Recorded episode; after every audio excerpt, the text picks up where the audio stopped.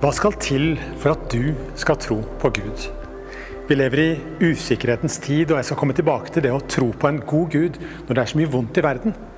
Men sånn, bortsett fra det, hva er det som skal til for at du skal begynne å tro på Gud? En venn av meg fikk høre fra en selverklært ateist følgende. Hvis Gud reorganiserte stjernene på himmelen, slik at de ti bud ble skrevet over nattehimmelen, da ville jeg tro på Gud. Og min kamerat svarte, men vil du likt en sånn Gud? Nei, kom det kontant. En slik Gud ville jeg virkelig ikke likt med en. Hvis han reorganiserte stjernene på himmelen slik at i stedet for Karlsvogna ville vi se de ti bud flasha ut, signert Gud. Men kanskje med en parentes bak signaturen du burde tro på meg. Så måtte jeg vel ha bøyd meg, sa han. En slik Gud ville han ikke ha likt, innrømte han. Og ikke jeg heller. Heldigvis er det ikke en sånn Gud Bibelen presenterer for oss. Nei, Bibelens Gud og den Gud jeg tror på, kommer med invitasjon til tro, ikke med invaderende tvang. Han gir oss til og med gode grunner til å tro, selv i usikkerhetens og krisens tid. Og selv når det virker som om jorda du står på, sklir bort under deg. Jeg har en bibel her, og jeg har lyst til å lese en fortelling om en berømt skeptiker som kom til tro. Jeg håper du har Johannes evangeliet foran deg. Du må gjerne høre på meg, men enda bedre er det om du leser et av evangeliene sjøl. Vi er i Johannes kapittel 20 og vers 24. Heng med, så skal vi sammen se på en berømt tviler som ble en troende. Vi hopper rett inn i filmen mot slutten. Eh, og jeg kan røpe at eh, Jesus på dette tidspunktet her har stått opp fra de døde. Men Thomas kjøper ikke den. Han tror ikke på det der med oppstandelsen. Og det skal vi lese om nå. Jeg leser fra vers 24. Thomas, en av de tolv, han som ble kalt Tvillingen, var ikke sammen med de andre disiplene da Jesus kom. Vi har sett Herren, sa de til ham.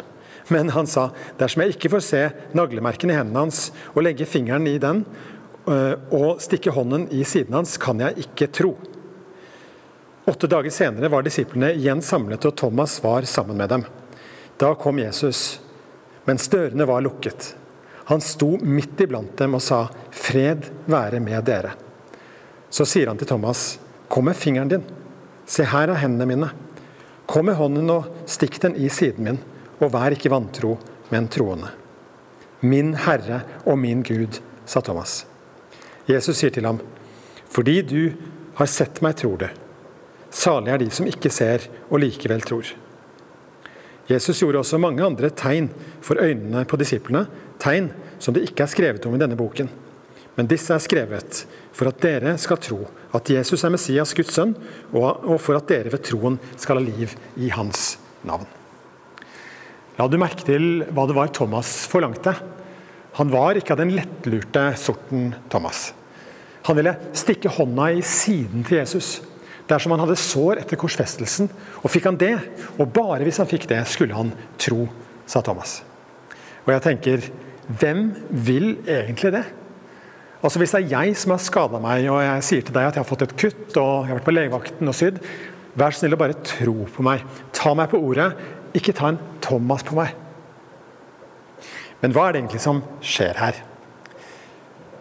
Thomas vil vite helt sikkert at han som har tatt på seg all vår skyld og overvunnet alt det onde på korset, er den samme som har gått gjennom døden og kommet ut på den andre siden. Thomas vil ikke se på stjernene. Han vil se arr. Han vil se Jesu arr. Jesu arr vil få ham til å tro. Ganske forskjellig fra han som ville se stjerner rearrangert med de ti bud. Et sånt scenario ville vært et maktovergrep ovenfra. En total overkjøring av folks vilje. Thomas visste bedre. Thomas kjente jo Jesus. Han visste at hvis vi skal se den sanne Gud, så hjelper det ikke å stirre på stjernene. Vi må se på arrene. Jesu arr. Disse merkene av krigen Jesus hadde vært i. Bevisene på at han hadde gått gjennom ild og vann for oss. Altså Han hadde gått gjennom dødsskyggens dal og kommet ut igjen på den andre siden. Det er når Thomas ser arrene at han begynner å tro.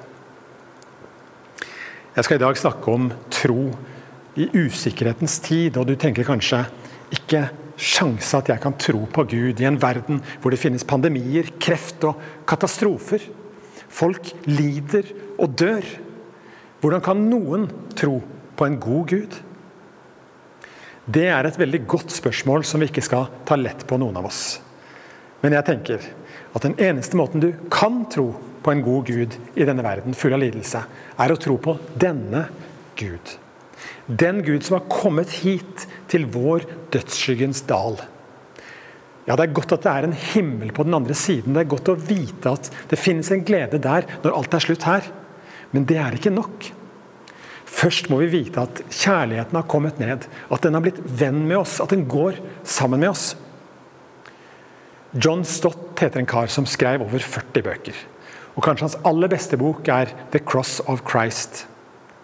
I den skriver han om hvordan han kan tro på en god Gud i denne verden full av lidelse.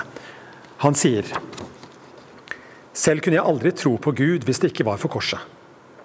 Den eneste Gud jeg kan tro på, er denne som Nietzsche latterliggjorde som guden på korset. I den virkelige verden er det smerte. Hvordan kan man tilbe en gud som er immun imot det? Jeg har besøkt mangt et buddhisttempel i Fjernøsten og stått respektfullt foran buddha-statuen. Han, eh, han har ben og armer i kryss, øynene lukket, et lite smil leker på leppene. Han har et fjernt blikk, frakobla lidelsene i denne verden. Hver eneste gang må jeg snu meg bort etter en stund, og i tanken vender jeg meg i stedet til den ensomme, forvidde, plagede mannen på korset. Nagler gjennom hender og føtter. Ryggen oppsplintret. Kroppsdeler vrengt. Pannen blødende og munnen tørr. Kastet inn i et gudsforlatt mørke. Der har du Gud for meg. Hvordan kan du tro i usikkerhetens tid? Du må vite at den Gud som inviterer deg til tro, har erfart vår smerte og lidelse og at den samme Gud har kommet gjennom til den andre siden. Du trenger begge deler. Du trenger medfølelsen, og du trenger å vite at han har kjempa for deg. Du trenger å vite at han er med deg. Du trenger å vite at det er håp etter denne smerten og bakenfor død og grav. Thomas ser på Jesus som har overvunnet døden, og som fortsatt bærer arrene etter korsfestelsen. Arrene Gud har etter seg, arrene Gud har etter å ha vært igjennom døden og kom tilbake igjen hit og sier Og da sier Thomas det der, det er min Herre og min Gud. Det var dette som løste det for Thomas. Jeg lurer på, Hva er det som skal løse det for deg? Hva vil overbevise deg om at Jesus er Herre? For i Bibelen er Jesus Herre, men hva betyr egentlig det? Tankegangen er omtrent slik. Med mindre Jesus er Herre, er det døden som er herre. Men det mener jeg Spiller du noen gang dataspill? I en type dataspill så er det sånn at du går gjennom et nivå, et level, og så kommer du til slutten av level 1, og så møter du en fiende som liksom eier det nivået. Han må du overvinne. Og Hvis du overvinner han, så kommer du til level 2, og ved slutten så møter du en ny fiende som er større enn sjefen på forrige nivå. Større og sterkere. Og Sånn fortsetter det til nivå 3 og 4, og når du kommer til nivå 10, så er han på nivå 10. Han er på nivå med et atomkraftverk, så hva du enn prøver på, så kan du ikke slå han. Han er uslåelig. Men hvis du skal vinne dataspillet, så må du overvinne denne uslåelige fienden også. Bibelen er ærlig på at det fins en sånn uovervinnelig fiende, og det er døden. Døden har aldri tapt en kamp noen gang. Døden er den udiskutable verdensherre. Ikke bare overvinner den folk og konger, hele riker går under pga. den. Ingen har noensinne overvunnet den. Ikke om du har all verdens penger, berømmelse eller makt, kan du slå den. Døden er alltid siste ordet, og Bibelen kaller døden for den siste fienden. Den du møter til slutt når du har overvunnet alle andre kamper i livet. Den siste kampen taper du. Men her kommer Jesus. Og så påstår han seg å være oppstandelsen og livet. Han sier, han sier, at han er den som kan og vil overvinne den største fienden av alle. Det sa han i sin undervisning som han ga til disiplene mens han vandra her. Likevel var de alle knust, forvirra og spredt til alle kanter når døden innhenta også han. De var i ferd med å gi opp alt. Helt til Han viste seg for de levende. Og med det så viste han, viste han at det han hadde sagt med sine ord før han døde, nå var blitt virkeliggjort foran øynene på dem. Og du tenker jeg vet ikke om jeg kan tro på det. Hvordan kan jeg tro at Jesus er større enn døden? Mot slutten av det jeg leste fra Johannes evangeliet, så står det Jesus gjorde mange andre tegn. Men disse tegnene er skrevet ned for at dere skal tro at Jesus er denne død, døderen Messias. Er det mulig for deg å tro det? La meg gi deg tre grunner til at du kan tro at Jesus er Herre. Bare helt kort. Jeg vil starte med vitenskapen og de observasjonene de smarteste blant oss har gjort de siste 100 årene. De fleste stoler på det som det er vitenskapelig konsensus om, så jeg liker å starte der. Det er nemlig ikke så stort trossprang å tro på en liv fra død type herre, når vi allerede tror på en liv fra død type verden. La meg si det en gang til. Det er ikke så stort trossprang å tro på en liv fra død type herre, når vi allerede tror på en liv fra død type verden. Bare tenk på dette. Før universet ble til, var det ingenting. Det var ikke energi, ikke materie, det var ingenting. Den ledende vitenskapelige teorien sier at det hele starta med et big bang. Og Med det så slås det fast at vi har fått alt fra ingenting. For et mirakel det er. Alt fra ingenting. Jeg er jo en av de som tror på jomfrufødsel når det gjelder Jesus og hans fødsel. Men dette her er altså jomfrufødsel når universet ble født. Og det uten en jomfru. Ganske så imponerende. Alt fra ingenting. Men det er mer. For det andre så har vi nemlig orden fra kaos. Hvis det hele starta med en stor eksplosjon, så må jeg si at dette er den mest ryddige eksplosjonen jeg noen gang har sett. Hvordan kan en eksplosjon lede til den presist, fininnstilte, harmoniserte orden universet består av, fra atomnivå til galakser. Hvordan får man orden ut av kaos? Sjekk gjerne ut argumentet om, den, om det fininnstilte universet. Da vil du oppdage på nytt at dette er en liv fra død verden. En ekstraordinær og utenkelig liv fra død type verden. Så vi har alt kom fra ingenting. Orden kom fra kaos. Og for det tredje liv kom fra ikke-liv. Jeg som er kristen tror at på påskemorgen så kom den ikke-levende Jesus til liv. Han som var i graven, ble reist opp fra de døde. Den ikke-levende Jesus ble levende. Og Noen syns det er veldig vanskelig å tro det. Men er egentlig denne oppstandelsestroen så oppsiktsvekkende? Hvis man alt tror på den sekulære fortellingen om at liv ble til fra ikke-liv?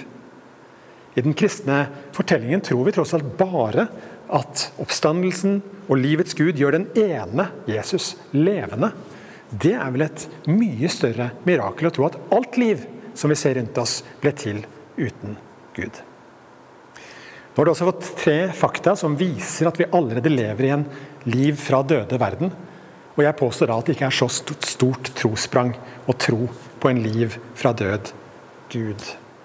Er dere med meg så langt? La oss bevege oss fra naturvitenskap til historievitenskap. og Nå skal jeg nøye meg med to ting. Først, her er noen fakta om det første århundret. Jesus gikk fra å være både superpopulær til å bli vilt upopulær. Han ble drept av de religiøse lederne for blasfemi, mens romerne begrunna dødsdommen med landsforræderi. Han døde på korset. Han ble plassert i en kjent grav, og tre dager senere var den grava tom og Følgerne hans gjorde mange observasjoner av den oppståtte Jesus som levende. Tilsvarende den som vi har lest om med Thomas her. I 40 dager pågikk dette, og så slutta det når kristne sier at Jesus for opp til himmelen. Men historien fortsetter. Liket ble aldri funnet, og alle øyenvitnene som holdt fast på dette, led døden for at de holdt fast på det. Hvordan forklarer du det? Ulike folk har ulike forklaringer, men jeg tror at den mest rasjonelle forklaringen er at Jesus faktisk sto opp fra de døde, slik han sa han skulle. Det ville vært mer oppsiktsvekkende om han ikke sto opp, gitt hvem han er. Men det er ikke bare denne dokumentasjonen fra antikken i form av de nytestamentlige skriftene historikerne klør seg i hodet av. I tillegg har vi fremveksten av Jesusbevegelsen, som er oppsiktsvekkende når du tenker på utgangspunktet. Jesus var menneskelig sett bare en blakk predikant, en fattig mann i et uviktig hjørne av verden. Han er omringa av fornektere som Peter og tvilere som Thomas. Han ble korsfesta bare 33 år gammel, og etter tre års offentlig virksomhet. Og likevel, i dag er han det mest berømte mennesket som har gått på planeten. Han har lagt grunnlaget for vår sivilisasjon. Folk har problemer med at Jesus kunne gjøre vann til vin. Men hvordan forklarer du veien fra korsfestelse til verdensherredømme? Historien viser deg enda en liv fra døde mirakel-type ting. Vi innførte Big Bang-teorien rundt 1920-tallet fordi vi observerte et univers som stadig utvida seg. Og så bare spolte vi filmen tilbake og kom til nullpunktet. Hva da med det stadig ekspanderende antall kristne i alle verdens kulturer? Det er flere kristne i dag enn det var i går, og det vil være enda flere i morgen. og Hvis du spoler den ekspansjonen tilbake, så kommer du til påskemorgen. En dag hvor noe skjedde. Helt åpenbart. Du kan spore det, og det er for meg et andre stort historisk argument som gjør det mulig å tro. Disse tingene er skrevet for at du skal tro, skriver Johannes. Det var det som skjedde med meg. Jeg har vokst opp i et kristent hjem, men kom til et punkt hvor det var naturlig å løsrive meg fra mine foreldres tro. Da leste jeg gjennom evangeliene sjøl. Og, og så på denne uforlignelige personligheten Jesus fra Nasaret. En fascinerende figur som har respekt for menneskenes egne valg og en enorm kjærlighet til de som ikke får alt til, sånne som meg. En som går med meg når jeg har det vondt, og når det virker som om jorda bare sklir vekk under føttene mine. Jesus han er en som slår seg sammen med oss i dødsskyggens dal. Han er ikke en sånn Gud som roper ned de ti bud fra himmelen. Han er en Gud som deltar med deg i din lidelse for å være med deg. Han vil være vennen din, og han vil elske deg. Når jeg tok mitt valg om å bli værende i den troen jeg hadde vokst opp med, så var det fordi jeg så denne utrolige sammenfletningen av makt og medfølelse i Jesus. Og jeg tenkte meg sjøl det er ingen som Jesus. Han er nummer én. Han er Herre. Og på et punkt, Hvis du gjør det samme og leser disse evangeliene og ser på Jesu karakter, så gjør du kanskje en tilsvarende observasjon og sier jeg vet at døden er kraftig. At den alltid vinner. Men jeg tror også at døden har møtt sin overmann i Jesus. Min oppfordring til deg er bestill et av disse Johannes-evangeliene fra oss som vi gir bort gratis. Eller kanskje du har en bibel i hylla sjøl. Les Johannes-evangeliet. Våg å be en bønn og si 'Jesus, vis deg for meg'. Du har ingenting å tape på det. Hvis han ikke fins, så kommer han ikke til å vise seg for deg. Men hvis han fins, så kan du si til han 'Vis meg at du er Herre'. Vis meg at du virkelig er større enn døden. Og så vil jeg også be om at du skal møte denne uforlignelige personligheten som gir oss lov til å tenke Jeg vet at pandemien raser. Jeg vet at dette er en lidende verden, og jeg vet at døden herjer og alltid vinner. Men Kanskje denne ene er den som vitenskapen peker mot. Den som er oppfyllelsen av alle lengslene i den menneskelige historien. Kanskje han er herre. Vil du ta med deg et Johannes-evangelium? Vil du be en bønn? Vil du gjøre det? For vi må alle gå gjennom dødsskyggens dal. Ikke gjør det alene. Gjør det med den Gud som går sammen med deg. Gjør det med den Gud som har krigsskader og arr. Han har gått gjennom døden og kommet tilbake for deg. Han kan få deg gjennom denne pandemien, han kan få deg gjennom denne krisen. Han kan få deg frem til festen og gleden. For han er Herren.